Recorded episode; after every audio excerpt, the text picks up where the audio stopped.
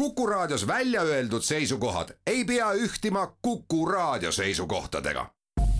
Te kuulate Kuku Raadiot.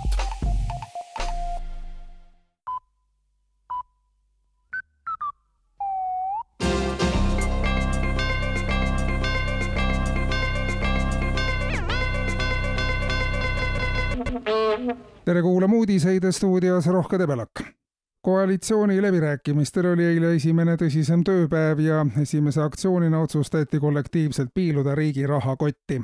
kui tulevased koalitsioonipartnerid riigi rahakoti juurde jõudsid, avastati, et rahakoti rauad olid lahti ja kinni neid enam ei saanudki. rauad olid roostes ja keegi ei olnud neid ammu enam kinni pannud.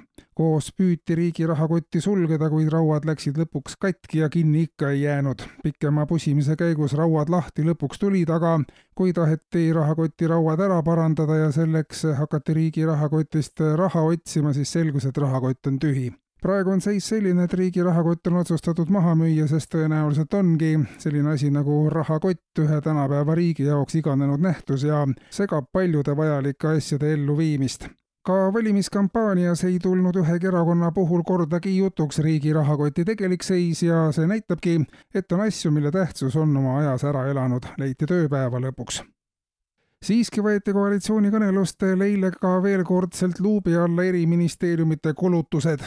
ainsa variandina näeb moodustatav valitsus ühe kindla uue ministeeriumi, kärpeministeeriumi loomist, mille eelarve ongi ainult kärpimiseks kärpeministeeriumi eelarve oleks iga aasta alguses kuussada miljardit eurot ja rahandusministeerium saaks siis rahus kärpida nii, nagu hetkel vajadust on, ilma et kannataksid teised eluvaldkonnad.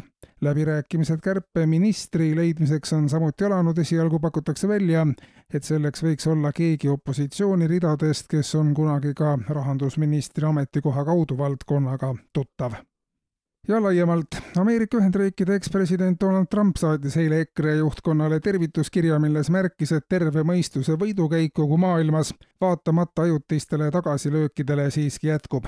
kui Eestis on tegevuse jätkamine keeruline, siis erakonna pressiteate kohaselt soovitas Donald Trump EKRE-l osa võtta Ameerika Ühendriikide järgmistest valimistest olud on seal palju soodsamad e, e-hääletamise osakaal on suhteliselt väike ja ühiskonna polariseerumises on ära tehtud tuntav eeltöö. tõenäoliselt ei ole EKRE-l mõtet sellises konnatiigis nagu Eesti ennast raisata ja tuleb ümber orienteeruda ka maailmaturule, märgib ka erakonna teade lõpetuseks.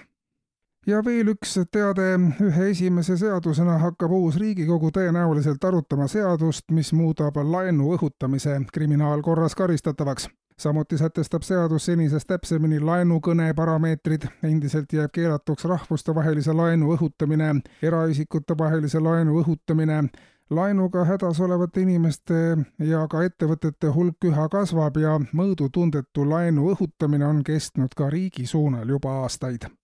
kuulsite uudiseid